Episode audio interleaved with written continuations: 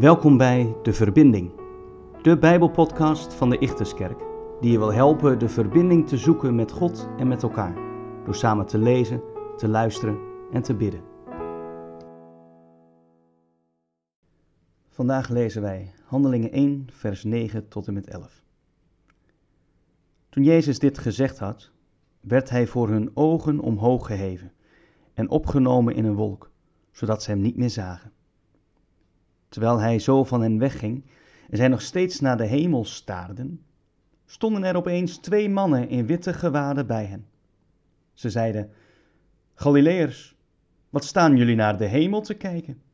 Jezus, die uit jullie midden in de hemel is opgenomen, zal op dezelfde wijze terugkomen als jullie hem naar de hemel hebben zien gaan. Als er iets ernstigs is gebeurd, breekt er vaak een moment van stilte aan. Iedereen staat verslagen en verbijsterd voor zich uit. Je vraagt jezelf af: hoe moeten we nu verder?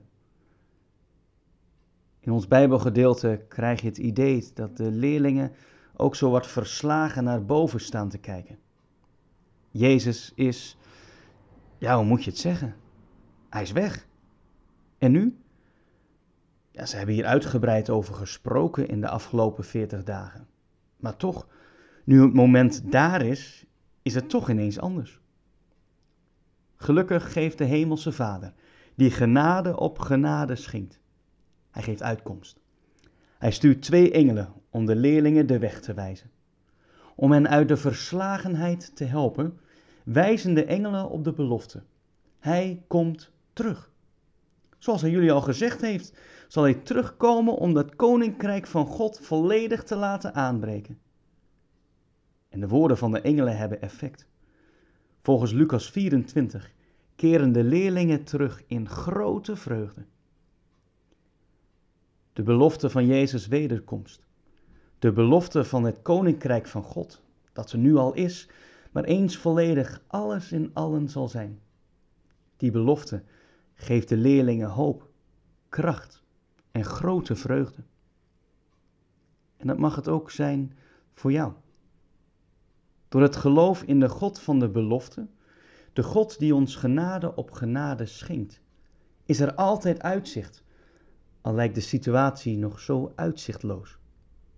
Door het geloof is er de hoop en vreugde dat er na het dal een groene weide wacht, dat er na de storm een veilige haven komt.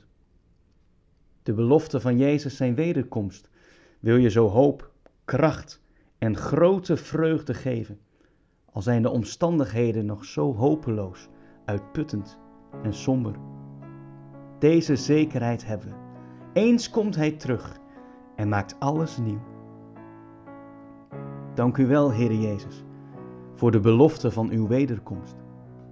Ja, nu al mogen we een glimp opvangen van uw koninkrijk en mogen we al leven als burgers van dat rijk.